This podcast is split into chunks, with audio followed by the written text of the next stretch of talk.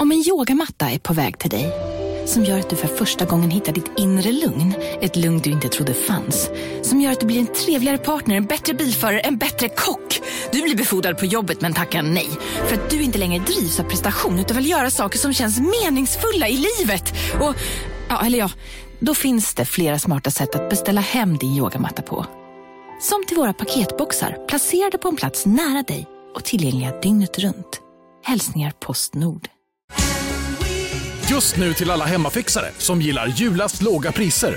En slangvinda från Gardena på 20 meter för vattentäta 499 kronor. Inget kan stoppa dig nu.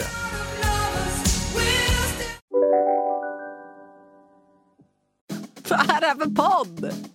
Det är som två människor i liksom känslomässigt förfall som bara försöker liksom krabba tag i något ämne.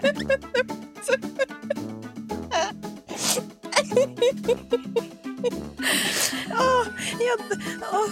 Ja, vi, vi är liksom, känslorna är lite överallt här nu. Jo, berätta klart. Vi var då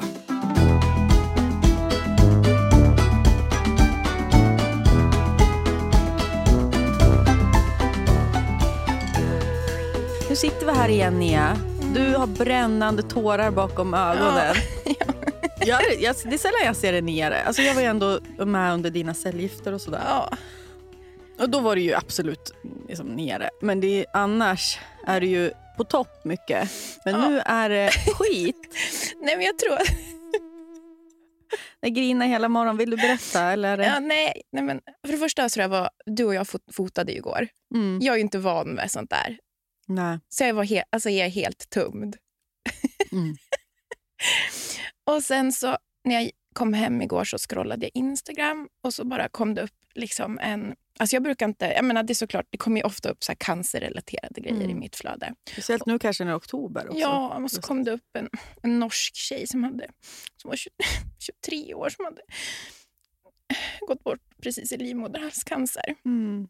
Och jag menar, alltså det är också så här, så himla himla ung. Mm. Och så i morse så såg jag på du vet, Klara Doktorovs Instagram hade hon lagt upp att nu att de tror att de ska utrota livmoderhalscancer. Ja, ja.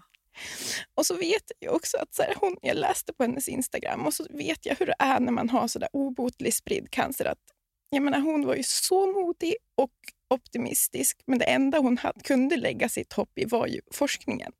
Mm. Alltså som det är, alltså, du vet att det ska typ komma någon banbrytande liksom. Mm. Kanske hinner det komma en medicin Ja, så att jag får bort. leva. Mm. För hon visste ju att hon skulle dö. Och så, var det så blev det så tydligt så att hon dog igår och så såg jag den där artikeln idag. Och det var bara, jag vet Mm. Men det är ju viktigt att komma ihåg också, alltså nu när det är oktober och man pratar mycket om, om bröstcancer, eh, att det är ju bara forskning som...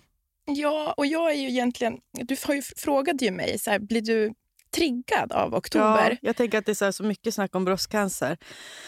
Och du som ändå ganska nyligen ute ur det. Mm.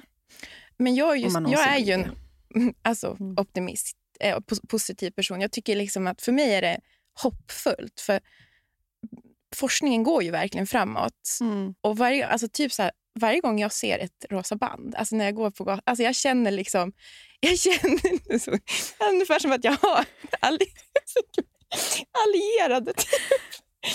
Eh, Alltså det betyder jättemycket för mig, så jag blir inte triggad alls. Jag tycker att det är hoppfullt. Mm.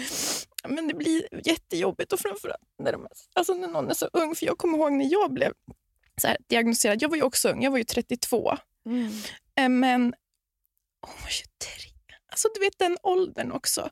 Alltså jag, alltså jag tänkte ofta när jag, när jag bara, men jag är i alla fall inte 20. När man Ja, precis ska komma ut i livet. Ah. Man Och- har liksom inga verktyg då. Nej, och kompisarna, alltså jag tänker på hur mycket ni fanns för mig, mina vänner. Det är som att man också utvecklar så mycket. Som, man har mer verktyg att kanske hantera en svår sjukdom hos en vän. Det var liksom, Men vad visste man när man var 23? Alltså också som kompis till någon som blir så allvarligt sjuk. Hur tröstar man? Hur finns man där? Hur, ja. ja, man är så uppe i sig själv också. För att jag var ju... Jag blev ju diagnostiserad under min graviditet. Och Det var ju väldigt många av mina kompisar som var gravida samtidigt som mig. Mm. och så. Och Det var ju, det fanns ju såklart en avundsjuka. Alltså att de fick ha det bara vanligt Mm. medan jag var tvungen att liksom in, gå in i någonting helt annat. Men samtidigt var det så här, alla var, det, var, du vet, det puttrade på i våra liv. Det var inte så att jag missade så mycket. Mm. Det är väl just då min graviditet och första tiden med Floren som är liksom, det är väl typ de sakerna som fortfarande är alltså en sorg. Mm. An, som inte heller riktigt är så här bearbetat. Men rest, alltså, jag missade inte så mycket kände jag. Mm. Jag hade det ändå bra. Nej, och sen så satte jag mig på pendeln och så började jag lyssna på Den bästa dagen med Marie Fredriksson. Och tårarna bara rann. Det här ska bli den bästa dagen Och så tänker man på hennes historia också. Jag älskar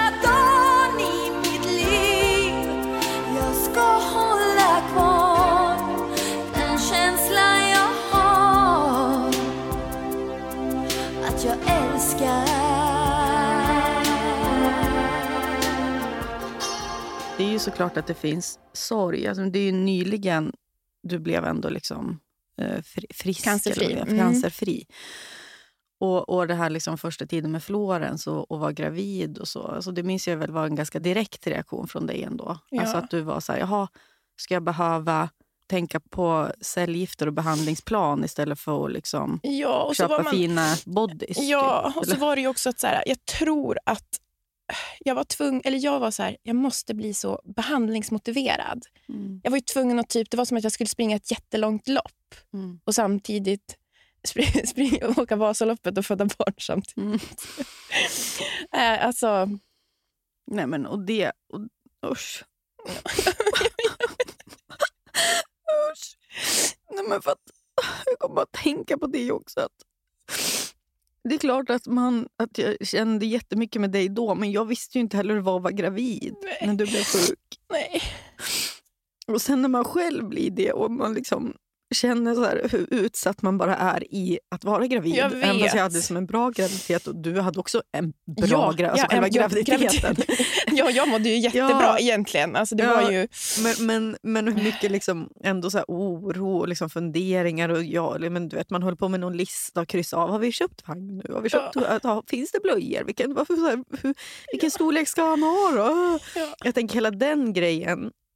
Jag, åh, ja, och så, ja, ja, det är så sjukt för det är så, det är så konstigt att börja tänka på döden när man är, alltså ska bli mamma. Mitt uppe och skapa ett nytt liv. Ja, liksom. när det ska börja typ. Mm. Och så kommer jag ihåg när jag hade blivit precis...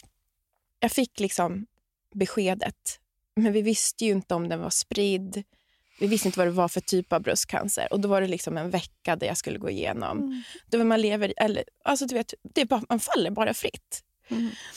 Och så kommer jag ihåg liksom att jag satt och så, och de på sjukhuset sa men försök verkligen göra saker ändå under den här tiden. Ni kan inte bara sitta hemma. Liksom, gå ut och äta en lunch, även fast det känns fel. Gå Ja. ut och gör.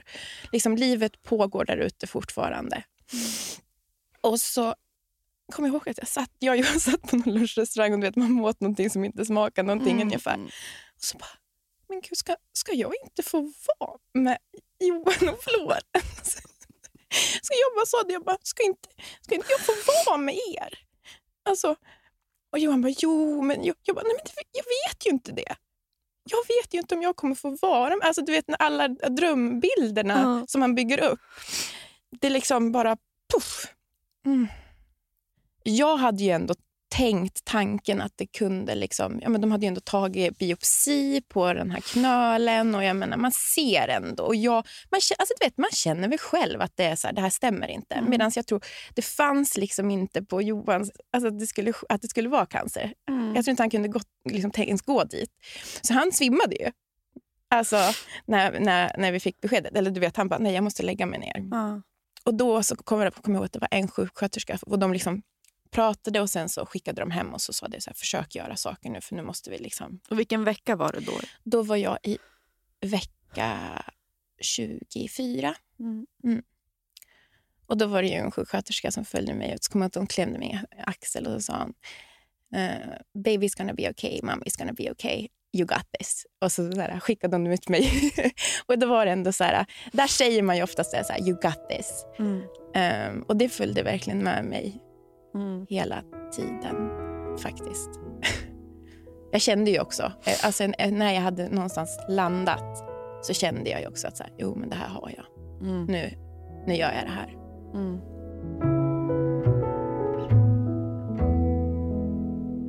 när jag var sjuk och var mitt uppe i min cellgiftsblandning så var det en, en ung mamma som började följa mig på Instagram eh, som var från, också från Sundsvall. Och hon hade en liten, liten pojke, jag tror att han var ett halvår äldre än Florens. Och hon hade, fått, hon hade spridd liksom magcancer av något slag, obotlig. Och liksom jag blev så himla berörd av henne för hon var också så där otroligt positiv och liksom eh, ja, men modig som man måste vara när det är så där hopplöst. Och jag tänkte så ofta att jag ville skriva till henne. Eh, och så fick jag bara en känsla av att jag skulle skicka ett DM till henne. Mm. Och så skrev jag en liten, ja men du vet bara så här, gud vad jag tycker du är men, du vet, modig och jag hoppas att du ska få vara med din pojke länge. Och, så. och sen så fick jag bara höra att hon hade ju dött då. Alltså precis i den vevan som jag skrev till henne att hon hade... Och så vet jag att hennes pojke efter där bara du vet, skolades in på förskolan. Jag tänker, det är en av sådana där saker som man ser fram emot att få göra. Du vet, första steget mot självständighet och, och att hon inte fick göra det med honom. Och jag tänker så här, varje, för mig är så här, varje sånt där litet steg som jag får göra mig från, alltså det är som vinst.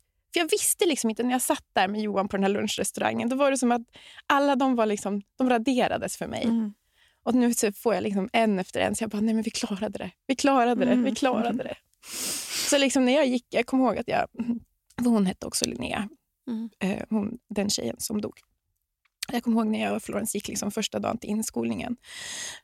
Och jag bara, här är, ja, det här är den bästa dagen i mitt liv. Alltså jag var så glad.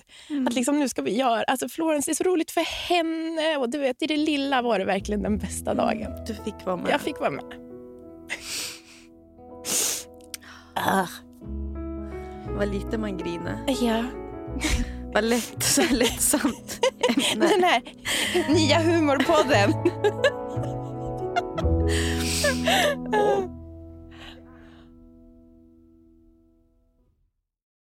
Veckans sponsor är Länsförsäkringar. Hur tänker ni ner när ni sparar till Florens och Blanche? Jo, men för oss är alltså jag tycker det är väldigt viktigt att det känns som... Alltså, det är ett långsiktigt sparande Ja. vi fokuserar på. Precis, det är inte så att de ska köpa nytt Barbiehus nästa vecka för de här. Nej, nej, nej, nej, nej, nej. Vi sparar ju även till Nisseman. Då. Mm. Och man vill ju verkligen ha ett långsiktigt och tryggt sparande så att de kan, när de fyller låt säga 18 eller kanske 20, göra någonting vettigt med de här pengarna. Då. Och Det behöver inte handla om så mycket pengar man lägger undan heller.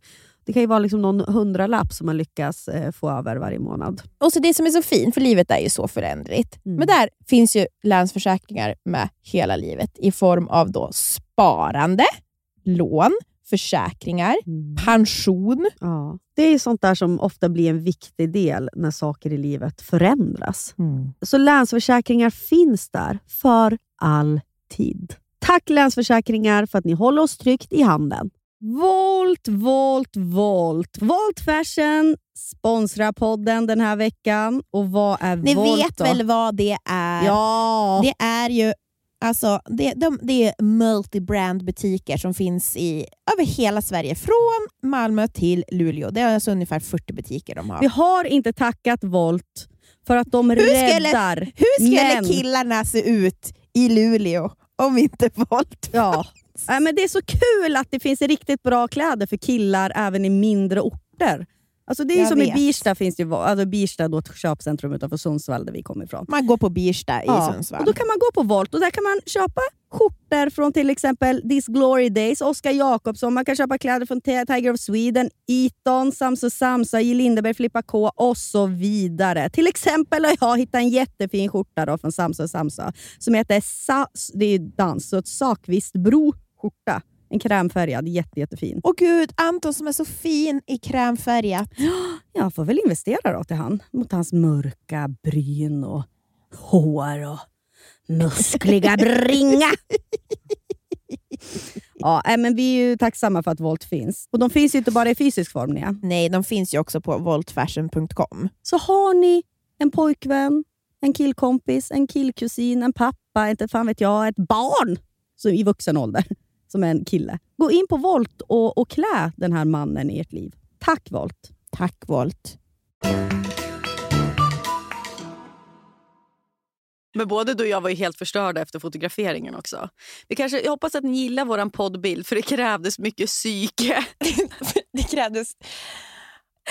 Åh, Men jag som, är, jag som är så mycket framför kameran. Varför?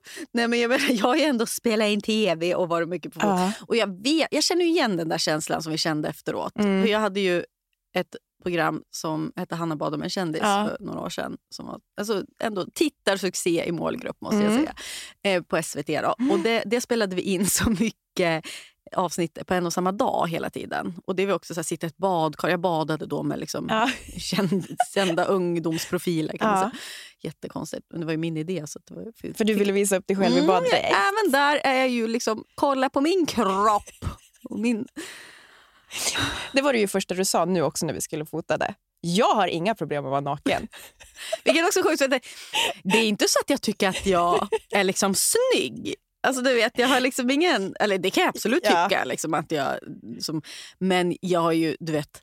Jag, ser, jag tycker också att jag är lustig. Ja. Alltså, jag tycker min kropp är lustig. Alltså, det har alltid varit en räddning i liksom, min relation till min kropp. Även fast jag nu kan vara, du vet, så här, jag kan inte ha vissa byxor efter man har fått barn. Jag har celluliter och, och mycket såna bristningar. Mm. Alltså, jag har ju som en pung på magen. Jag gick ju upp 25 kilo och min mage stod ju rakt ut. Eh, och det var jag kanske mer ledsen för när jag var gravid typ, än vad jag är nu. Men det är inte så att jag så här, mina tigerränder. Alltså, hashtag mom. Alltså, det är väl lite vad det är. Ja. Så kan jag förhålla mig till det ungefär.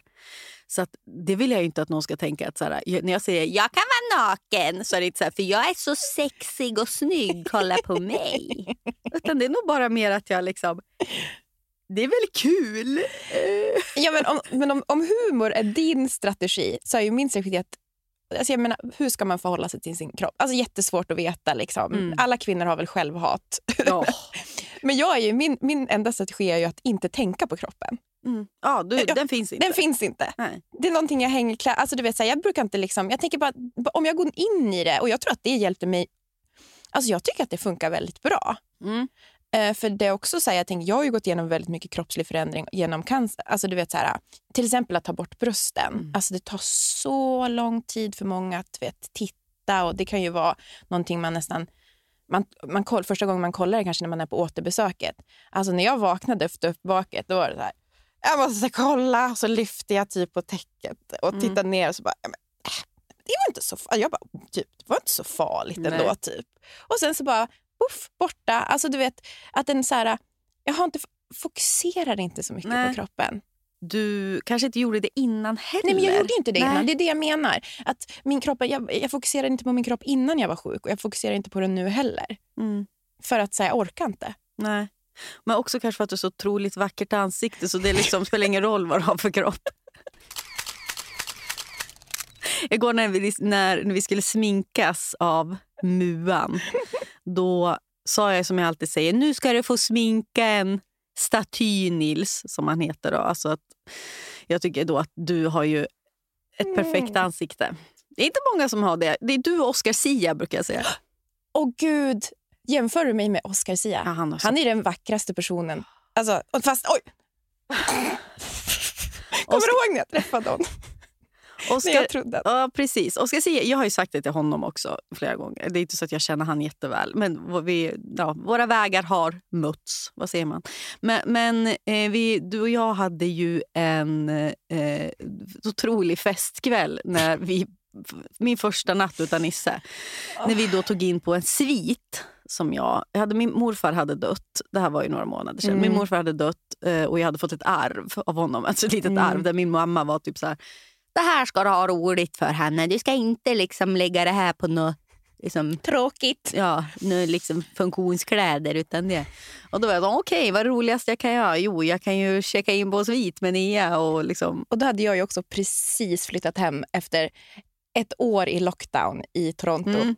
Så vi var ju två vildhöns. Nej, men. Så vi gick ju då på teatergrillen. Edvin kom ju dit, min kompis. Eh, och Höjde stämningen skulle man kunna säga. ja, men det, gick, det var ju espresso martinis. Det var. Hugos. Ja, jag kommer inte ihåg. French 75. Ja, och det är vår favoritdrink som du har introducerat för mig. Och, och vad innehåller en French 75? Det innehåller citronjuice, champagne och gin. Sen gick vi tillbaka till sviten. råkade bli en liten efterfest där. I efterhand höll vi folk som gisslan. Ja. Det var, Vi höll ju hela morgonpasset, alltså programledarna, och vi, alltså vi höll dem i... Vet du vad jag hatar? Att jag inte kan berätta historier idag. Jag drack vin igår också. så det är helt... vi, våra historier hoppar ju så. Fortsätt bara. Ja, det är så här, Oscar Zia, vackert ansikte, sminkfotografering, ah, drinkrecept. Alltså du vet, det liksom... Stackars Johan som ska klippa det här. Då kommer ju Sveriges vackraste man, då, Mm. Oscar Sia. Mm. Så, så, så snygg. Mm. Alltså, han har så fint ansikte. Så att det, men det har liksom direkt min killsmak. Det är någonting Ja. liksom bara som... Ja. Men det, det är man ju inte ensam om att tycka såklart. Nej. Han kom dit och, och, och eh, då började han och du prata. Och sen mm, på natten kanske du var så här, jag trodde att det var Victor Lexell. Jag började ju prata med honom om typ så här, alltså fan vad det går bra med dig och musiken. Du har ett nytt släpp idag. Han bara, va? Du vet, ja. Han bara, men, men gumman, du tror, du tror att det är Victor Lexell? Jag bara, nej men jag vet, jag, alltså, du vet. Sen, sen sa inte jag något mer på hela kvällen, kommer jag ihåg. För då satt jag typ bara i, du satt ju och gormade och jag satt bara tyst. Vi fotades ju, poddbilden. Mm. Det började med att jag sökte efter en fotograf på min Instagram. Eh, du fastnade direkt för Vera Mm. Jörgensen. Mm. Var det för att hon var lite halvdansk? Jag vet inte, jag bara såg bilderna. Alltså det var, hon hade bara någonting. Ja. Hon hade en stil Ja. som vi, jag gillade också henne. Vi hade då ett möte med henne. Du och jag hade gjort oss fina. Vi hade tagit på oss kapporna. Vi hade våra små väskor i pastell. Mascaran var på, håret var lagt. Vi hade också på oss exakt likadana örhängen. vi begav oss till Rish. Satt oss där och kände oss alltså, vi var ändå ganska snygga tyckte vi. Liksom, ja. Mm. Eh, jag hade lite ångest av att oj, vi matchar mycket, men så blir det ofta när jag tar efter din stil. Liksom, att det, då ser vi likadana ut och det tar jag på mig. Mm. Du säger ju också åt mig så här, köp den här pastellväskan. Och så gör jag det och så är du likadan. Typ. Så det blir ju liksom, du klär ju mig också Jag ibland. vet. Mm. Och jag klär dig som mig. Mm, mm. Ja. Men i alla fall sitter vi där och då ska ju då Vera komma dit till Rish, eh, den här fotografen. Vi ska träffa henne för första gången och planera den här fotoshooten inför poddbilden. Hon kommer dit och liksom all den lilla liksom coolhet man någonsin... Alltså. Nej, men. Jag jämför ju oss med Chris O'Neills syrror. Alltså jag satt liksom, alltså som Edvin säger, när jag har handväskan i knät som en kärring. Ja. Alltså så satt jag typ. Och du vet, jag, Men hon hade en helt annan stil än oss. Alltså hon hade, liksom hon hade slängt på sig ja, någonting. hon var inte, hade inget smink, hon blekt ögonbryn. Alltså, du vet, hon ja, var ju... och så, hon hade liksom något coolt läppstift. Ja. Och så här, jag kommer ihåg att jag började så här gräva i min väska och du var så här, ta inte upp någonting ur din väska och visa Vera. Alltså, du, vet, så här, du har bara pinsamma grejer i din väska. Typ. Så jag bara, nej men jag vill bara ta upp läppstiftet typ, så här, för jag vill sätta på mig läppstift och se ut som Vera. Typ. Ja, men vi var verkligen Askungens styvsystrar alltså med fjäderhattar och liksom matchade klänningar. Och så kommer det dit någon som bara så här, jaha det är så här en cool person Ja. ser ut. Ja. Det var precis likadant i Köpenhamn när jag hamnade bredvid något coolt tjejgäng. Mm. Så man, man står hemma och tycker att man är fin. Och så går man ut på stan, Så är man någon. en cirkushäst.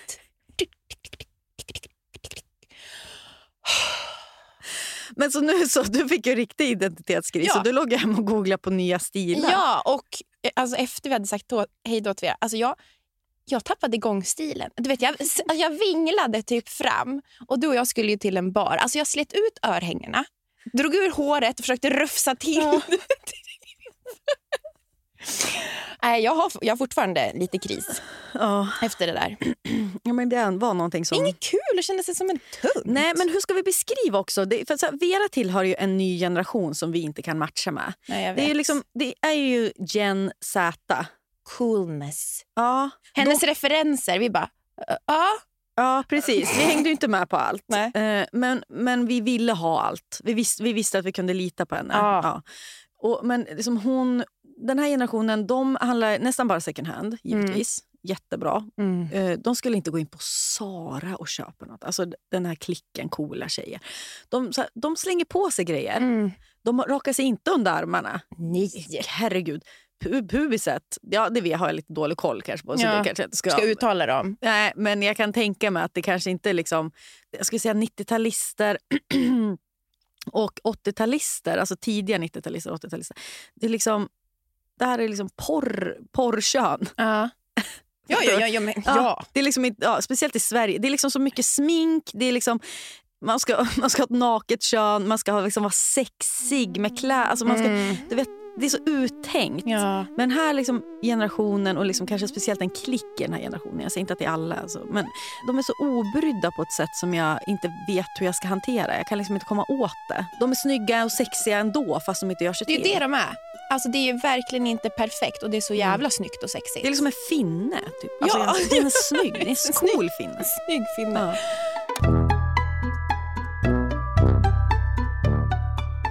Ja. På kön. Eh, jag ska ju åka till Mexiko i tio dagar på bröllop. Och där ska könet Nej, fram. men jag du är ju lite i... Så här, jag måste köpa några nya badkläder. Mm. Och så här, kollar jag lite på så Instagram och lite så här. Alltså det är två grejer. Två skryt skulle jag kalla dem för. Mhm. Det ena är, jag vet inte, vulvaskryt.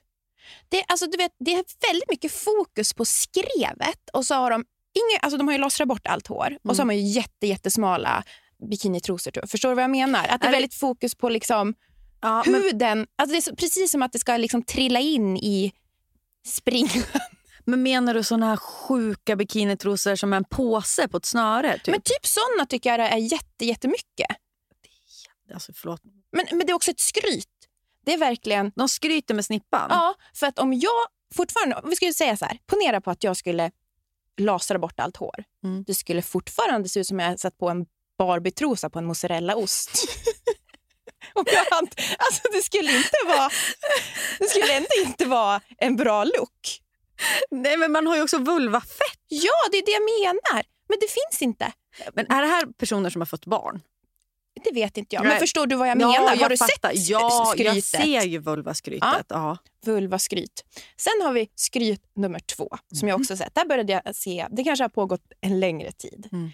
Men det är att man har en liten triangel bikini typ och så ska det vara, man ska visa underboob. Den ska Ja, ja, hänga ja. ut. Mm.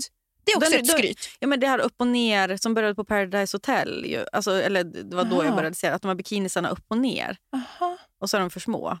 Och så hänger den ut ja, där ja, under. ja. Ja, för det är också, ja, det är också en sån, liksom, inte det ett skryt?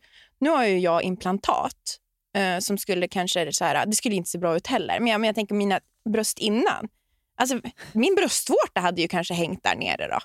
Alltså, nej, men ja, förstår ja, du? Ja, ja, nej det går inte. Skryt. Ja, Ett skryt. mm, det är verkligen skryt. Och då, nu blir jag liksom nyfiken. Du som då ser dig själv som en mozzarellaost. Vad är det du ska packa in mozzarellaosten i då?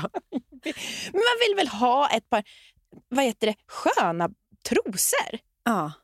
Ja, men vad finns det? Alltså, jag tycker allt är så smalt. Jo, jo, jo. Men det där är ju helt sinnessjukt. Alltså när man kollar på grenen och så koll, alltså, tänker man att en snippa ska få plats där. Det är också så här jobbigt för att när man... Som, som ett ställe i, som Mexiko, alltså där man ändå vill kanske ligga på stranden. Ja. Då. När man ligger ner i såna små trosor, då är liksom tyngdkraften gör sitt också. Alltså jag Ja. tycker då att så här, alla som ligger då framför mig, alltså som kan kolla in som mellan mina Ja. ben bokstavligen.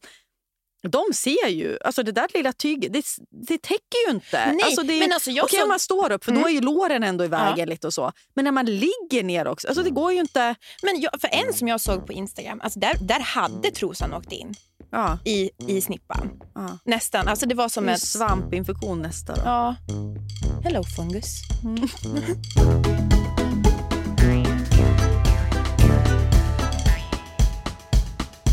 Som vi nämnde i förra avsnittet har vi varit tillsammans med våra killar väldigt länge. Jag träffade ju Anton när jag skulle fylla 17 och du träffade Johan ungefär i samma veva. Jag tror att vi har varit tillsammans exakt lika länge. Men jag har ju, och Johan har ju gjort slut x antal Mm. gånger. Och också Haft andra relationer. Precis, att ni har gjort slut länge. Jag och Anton har ju också gjort slut någon gång, men det har ju varit du vet, en månad eh, Mm. när vi var unga. Mm. Och jag tänker ofta att det finns så mycket regler kring relationer när man är ung. Jag tänker på en sån regel när, man, när jag var i den där åldern då jag träffade Anton. Då var ju liksom otrohet var det absolut värsta man skulle kunna tänka sig. Mm. Så det var väldigt så här, att vara en stark tjej var nästan att säga liksom, om en kille är otrogen mot mig, då lämnar jag honom. Eller liksom, det, är det, alltså det var verkligen svart och vitt, som mycket är när man är ung. Och den där liksom, eh, regeln, eller vad man ska säga, som man hade för sig själv och för andra också. Du vet, ifall killar var dumma mot Mm. sig. Alltså, hade, ja. Ja, men man, man var så hård mot sig själv och mot andra. Nu tänker inte jag sitta i den här podden och så här förespråka otrohet. Men, men jag tycker ändå att det kan finnas en vits med att Förlåta. förlåta och att föra liksom en nyanserad, ett nyanserat samtal kring de här eh, svåra ämnena. Och Det är det jag på något sätt vill göra nu. Mm. För jag tänker mycket på liksom hur de här reglerna förstör för väldigt många människor. Att man tror att man borde göra på ett visst sätt Mm. bara för att det liksom är en norm. Eller Mm. liksom att det, man har satt upp det som något ideal för sig själv. Till exempel en annan sån regel eh, som jag tycker har liksom skadat mig en del i min relation är det här med att man måste få leka runt när man är ung. Man måste få liksom Ja, ligga du- runt. Ja, så och- du tycker att du har missat någonting? Mm, ja, Mm. Jag tycker inte det. Nej. Men jag tyckte det under en tid för att an, jag Andra hörde det. det. Alltså, Mm. Jag var inte tillräckligt trygg liksom, i mig själv eller min relation för att eh, kunna landa i att så här, det här är någonting som folk säger. Det är någon annans sanning, det behöver inte vara min sanning. och så vidare. Eh, och samma sak med så här, otrohet. För det som jag kan bli ledsen av att tänka på det är liksom 17-åriga Hanna som vart superkär i den här superunderbara killen Mm. och han i mig. Och att jag var så fruktansvärt svartvit mot mig själv Mm. I vem jag var och hur, hur trogen jag skulle vara mot Mm. den här killen, alltså Anton. Då. Ja. Hur mina tankar fick gå. Liksom. Och, och Han blev ju så snabbt viktig för mig. Ja. Och liksom ett år in i den relationen, ett år var jättelångt liksom, på den tiden. Så då, var ju liksom, då kände jag att liksom, för första gången så älskade jag någon annan utanför min familj. Mm. Eh, och var ju, och med de känslorna så kommer ju så mycket liksom, ansvar och tyngd. Att nu ska jag förvalta den här viktiga liksom, människan i mitt liv. Mm. Och då blir man ju så fruktansvärt hård mot sig själv Ja. och, och liksom rädd för sina egna tankar. Så här, det här får jag inte fucka upp. Och man var, alltså nu när man tänker tillbaka, för jag, jag, jag känner igen allt det där som Ja. du säger. Alltså man, man, är ju, alltså man är ju ett barn som... Ja. Men man ett barn också med mycket hormoner. Alltså jag, minns här, jag, tyckte ju, jag har alltid varit karatokig, Mm. precis som du och många Ja. andra tjejer. Alltså att man gillar killar Mm. liksom, och vill att killar ska se en och bekräfta en. Och jag minns att det var så här, du vet när jag åkte buss ibland och såg någon kille och någon kille kanske tyckte att jag var gullig. Jag fick något, inte DM på den tiden, Nej. men det var ju så MSN Ja. eller liksom någon på Nightlife som vi hade i Just det, det hade vi. Ja, det var som Lunarsson fast för äldre och i Sundsvall. Ja. Umeå kanske också hade det. Men, men där eh, var jag också väldigt hård. att så här, Jag var ändå ute där liksom slira lite och var Mhm. liksom nyfiken. Mm. Och så, så här. Men straffet och skulden och skammen som jag liksom... eh, s- Mm. Jag slog så hårt på mig själv Mm. för att jag eh, flörtade med andra. Och för att jag, men jag vet, just, Och att det var beviset på att man inte skulle vara tillsammans. Exakt. Det måste vara något fel i din Ja. relation för att För du... att du är ja. 18 och vill typ kolla på andra killar. Ja. Och på samma sätt som jag och Anton var inte snälla mot varandra under här, vissa perioder. Liksom. Och, och han, han var ju otrogen. Det känns så himla du vet, starkt ord också. Men Nej. man vill ju skratta nästan när jag tänker på det. För att vi var ju så unga. Liksom. Ja.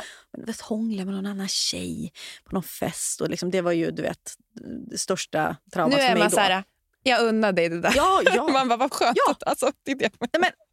Och det, och det, jag, kan, jag kan förstå att folk som lyssnar på det här, det finns säkert en, en majoritet som kan tänka så här, vad fan, alltså, vad säger de? Eller liksom, Mm. du vet, är de, du måste ju vara fel i relationen. Eller du vet, det är kanske unga människor som lyssnar Mm. framförallt som tänker så. Men för mig så har jag liksom kommit till ett stadie nu Du vet, där man, eller nu, men de senaste åren i alla fall. Jag kollar tillbaka på det där så ofta och bara så här, Hanna, alltså jag, jag kan se och nästan liksom höra det som min egen mamma sa till mig då. Ah. För jag, jag, vänt, jag är ju väldigt nära morsan. Och Ja. då, och speciellt då så ventilerade jag mycket saker som hände. Ifall Anton hade varit dum mot mig. Eller ifall jag hade hånglat med någon annan kille på någon Mm. fest. Och liksom, va- i- världen gick ju under då. Liksom. Ja. Och då minns jag att hon var så här, men Hanna, om ni ska ha ett helt liv, liksom, att det, Mm. det kommer hända saker. Tog ju också egna exempel från hennes liv med pappa. Mamma var så här, jag vill inte höra vem som har hånglat med någon på någon Finlandsfärja. Du behöver inte liksom... Ja, det kan hända saker när man är 45 och Hanna ska du veta. Mm. Man var så här. Men det, var, det hjälpte mig så jävla Ja. mycket. Jag är så glad för min mamma. Hon, det som, ingenting är tabu för henne Nej. riktigt. Och det har ju verkligen hjälpt mig i såna här frågor och fått mig liksom att, att tänka själv lite mer än att lyssna på de här reglerna. Att är man otrogen Mm. ska man göra slut. Det går inte att förlåta. Det, går inte liksom, det är något fel på relationen om man söker bekräftelse någon annanstans och så vidare. Så det, det tänker jag mycket på. Och det här det här går ju också, på ett sätt går det emot lite det, den andra regeln då, alltså som är att man måste leka av sig när man är ung. Ja. För det tror jag inte heller är en sanning. Alltså jag, för mig, Jag tror det beror på hur man är som person.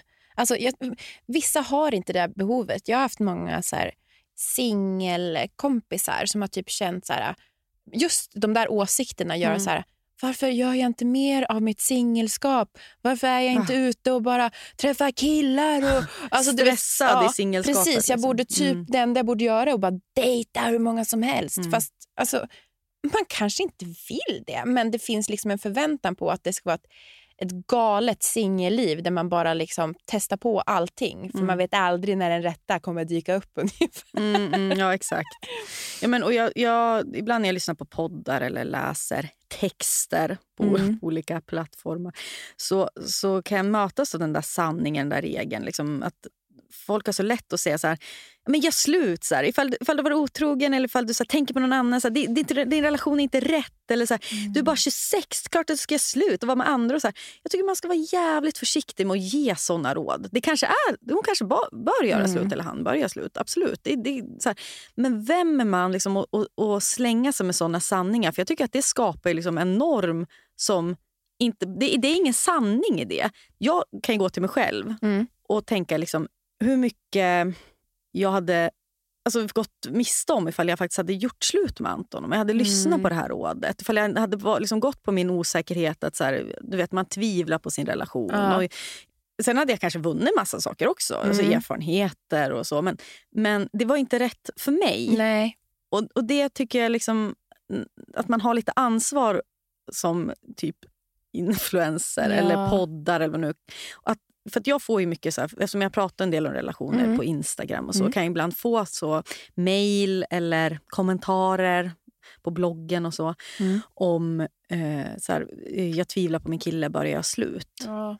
Och då blir jag alltid så här, vet du, man ska vara väldigt... Jag, det kan jag aldrig säga. Mm. Nej. Alltså det är liksom, men, men det jag kan säga, Mm. att för mig har det aldrig varit konstigt att tvivla. Nej.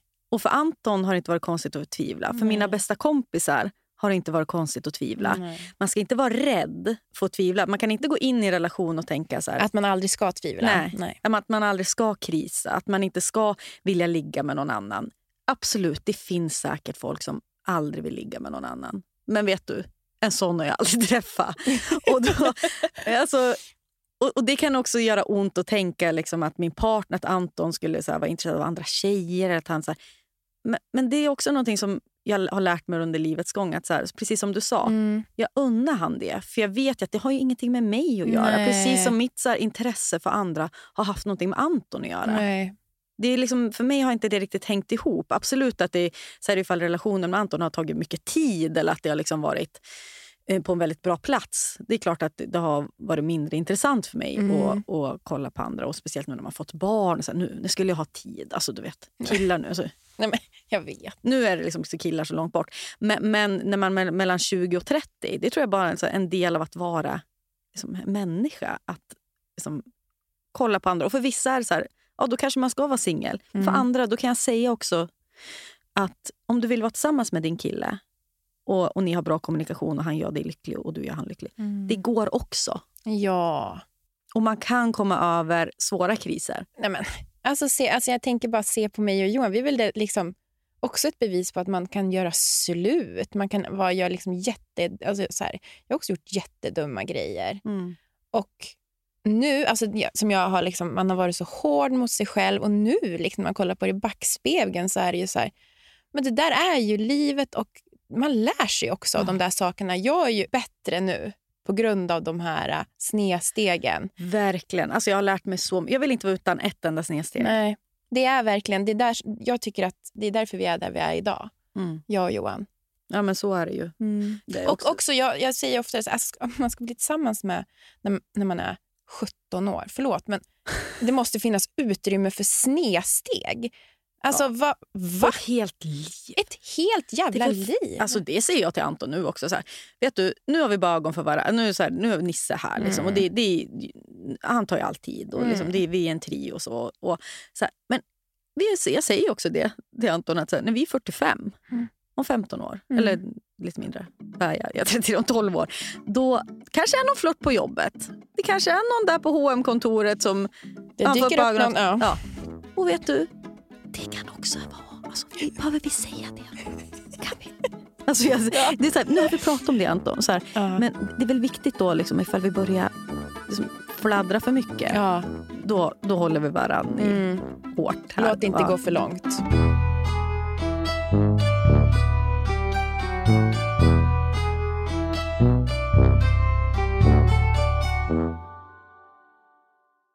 Det är sommar. Ja, Sunes sommar, men också Emma S sommar. Ja. Eller vad säger du? Jajamän.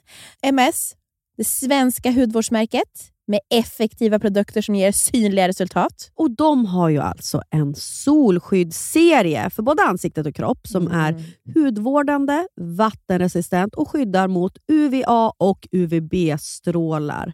Och Den här serien heter alltså Hydrating Sun Protection. SPF i ansiktet är ju väldigt... Det är en konst. Mm. Det är få som är bra. Men den här lägger sig så fint på huden och det är också jättelätt att sminka. Och Den innehåller ju hyaluronsyra, Min favorit Mm. squalan och vitamin E. Och Det här återfuktar ju och skyddar huden. Och Sen doftar den ju mjuk doft. Mjuk, mjuk doft av kokos.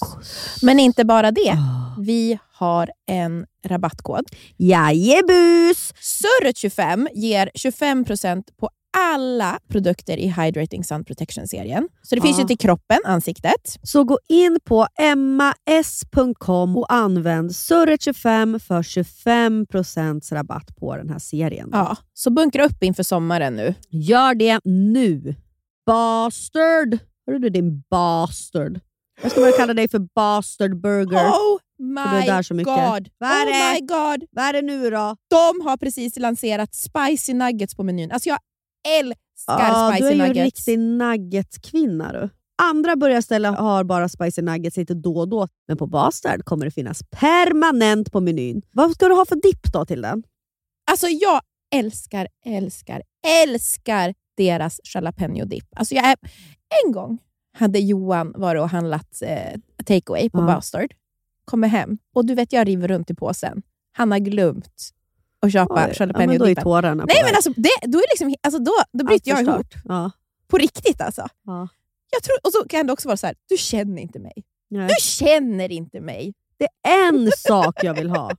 Ja, de finns också veganska. Alltså antingen finns de ju med kyckling då, eller så helt veganska. Det är också skitbra. Underbart. Ja, och sen, vet du vad som kommer mer då? Berätta. En ny signaturbörjare. Det är ingen mindre än The Notorious Chili Cheese. Oh my god. Det är alltså en burgare med chili cheese på Ja. och så massa ost och så lite jalapenos. Alltså, jag kommer ladda ner appen nu. Jag har inte appen. Jag går ju bara på och direkt och beställer där. Ja. Och så ladda ner appen. Det är så bra, för de har ju också rättigheter, så man kan ta en liten AV-öl där. Ja, just det. Det har Mm. de ju. Fan vad mysigt. Vi måste gå på Basters med barnen Jag snart. vet. Jag vet, jag vet. Jag vet. Ja, Kids-menyn är ju underbar. Tack Basters, ni vet ju så länge vi älskar er. Vi är, liksom, vi är så stolta representanter.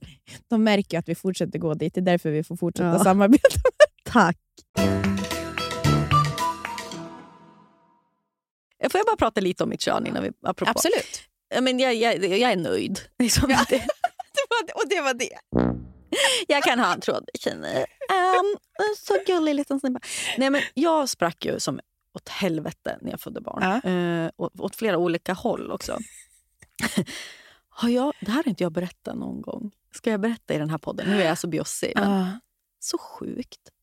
Men när jag födde barn, jag höll mig själv på klittan typ hela födseln. Fast jag, vet du, jag, jag, jag, hade, jag födde ju med kejsarsnitt, Mm. så jag vet ju inte hur det är. Men det känns ganska naturligt att trycka emot. Ja, jag vet. Att man, Ja, jag vet jag tror inte. att det är så ovanligt. Men jag minns att jag sa till en barnmorska typ ganska snabbt efter. Jag bara så här, "Äh, höll, jag, alltså, vad fan, höll jag mig på klittan hela tiden? Så bara- alltså, jag bara, du vet, man är så hög. Och så jag bara, hon bara, haha, ja men du det är bra det. Det ska man göra. Alltså, jag minns liksom nästan att jag, ja, men du, jag var där och gnoggade.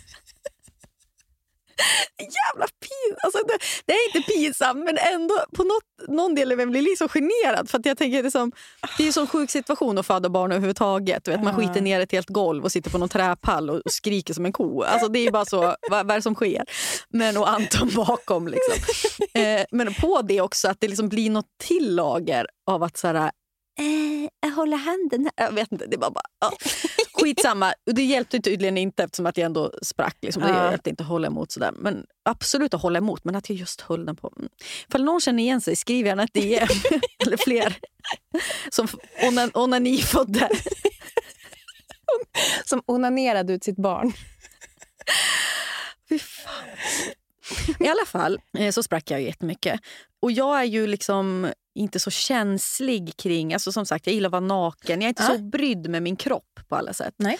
Men när jag då, apropå att snippan förändras, så erbjuder de att man ska kolla i en eh, spegel ju. Ja. Eh, tre dagar på, efter på återkollen. Aha. Och jag var så att, du vet, man kan ju knappt ta där. Det var ju så att jag kissade i duschen i kanske en och en halv vecka, Ja. två veckor. Ja. Och det är ju inte så ovanligt tror jag. Liksom att man, man kan ju inte, man måste ha varmvatten. På, liksom. Jag sprack ju upp mot urinröret också. Mm, mm, mm. Vad skönt. Och sen så minns jag då när hon vi tog fram den här spegeln, för då var jag ändå så här, men hur farligt kan det vara? Liksom? Det är ändå så här, jag kan, För, för många som jag har hört och gjort det var så här, det var inte så exakt. farligt. Ja, man tittade ner och det såg ungefär likadant ut. Det var det här jag hade hört, Linnea.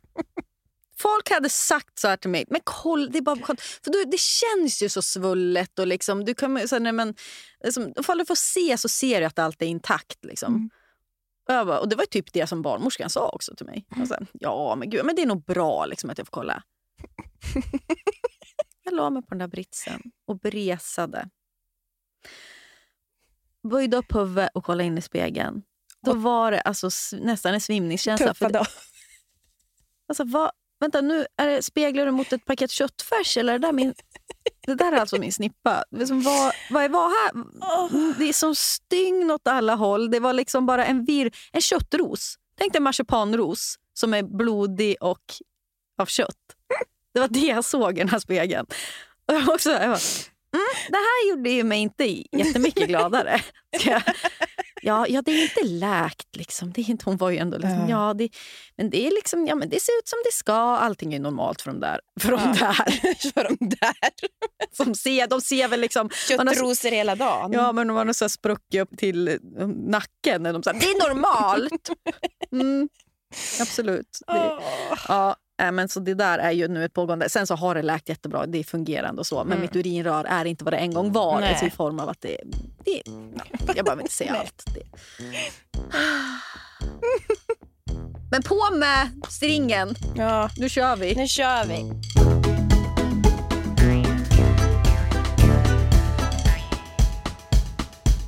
Nej, det var inget. Nej. Aha. Jag tänkte bara säga att jag typ onanerat mig igenom en magsjuka. Nej, nej.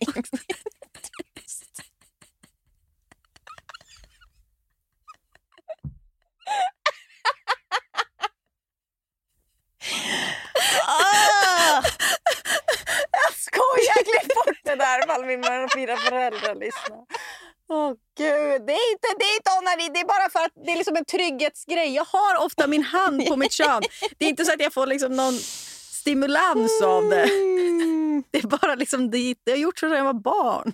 Ah. Killar tar sig på snoppen hela tiden. Förutom våra killar. Ja. Förutom att köpa en eh, ny bikini så ska jag också åka från Florens Mm. i eh, tio dagar. Fy fan vilken dålig mamma du är. Och eh, det är för att jag vill. jag ska på bröllop som sagt. Jag och Johan skulle ju åka tillsammans, men han fick ju Mm. kalla fötter. Han ville inte åka ifrån Florens. Mm. Men det ville mamma. Det ville Det kommer vara så underbart. Eh, men det är ju... Vi har ju pratat om det där, du och jag, ändå ganska mycket. För att apropå våran kväll på sviten så vaknade ju jag på natten att du lät, låg och grät.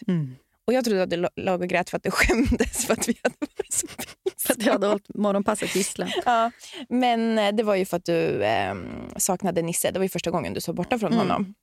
Så fick jag ju trösta dig. Ja, det var så fint. Ja.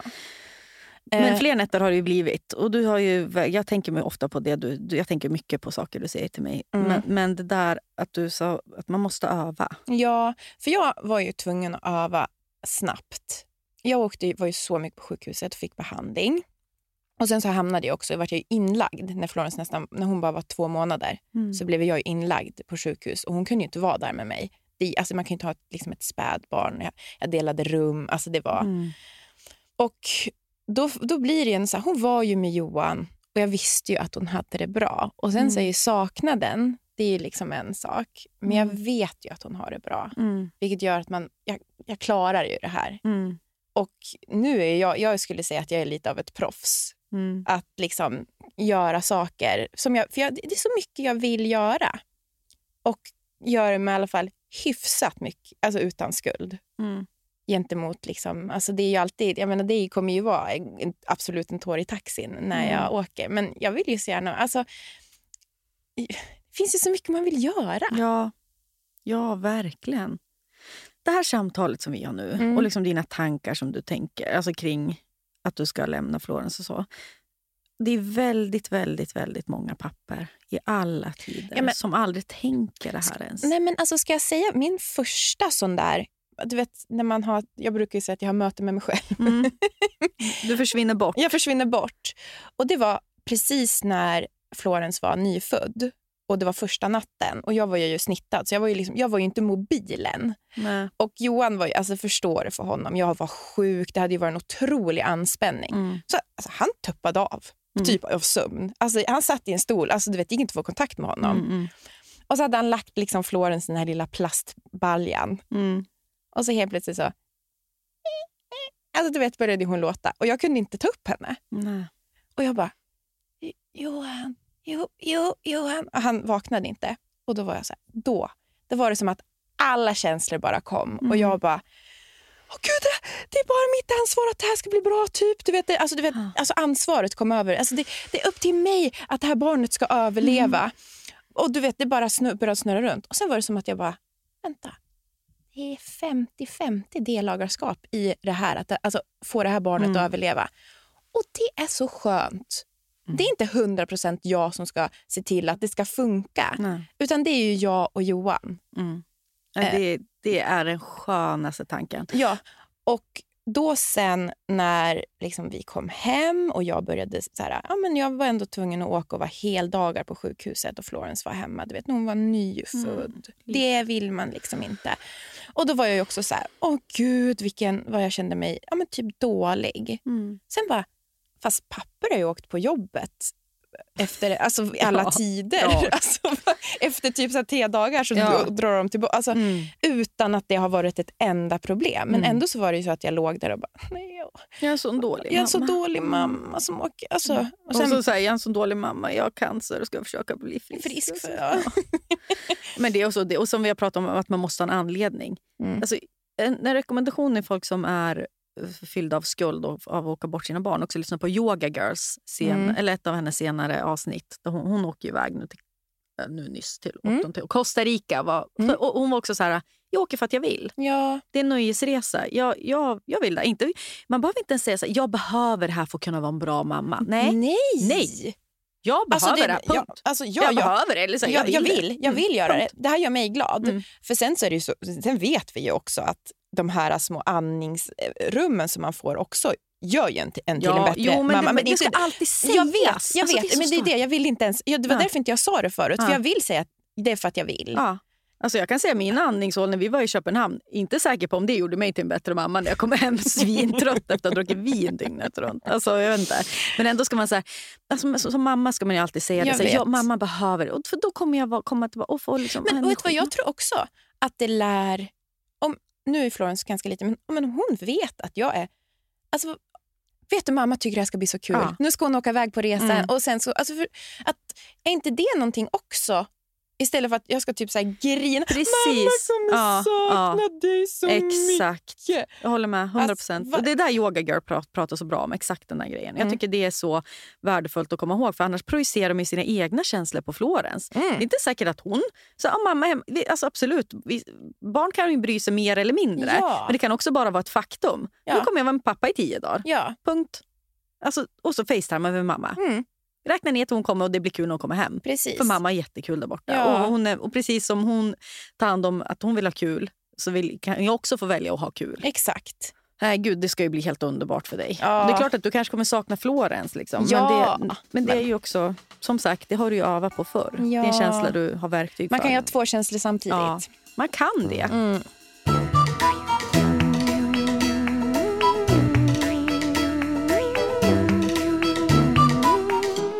Alla som lyssnar på podden. Ja. Nästa avsnitt då får vi höra hur det var i Mexiko. Mm.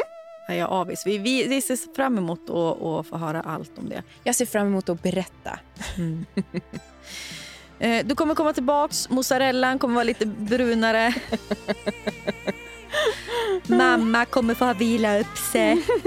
Och jag, jag ska till Sundsvall så det är också en resa att berätta om. Tack och hej! Puss och kram, hejdå!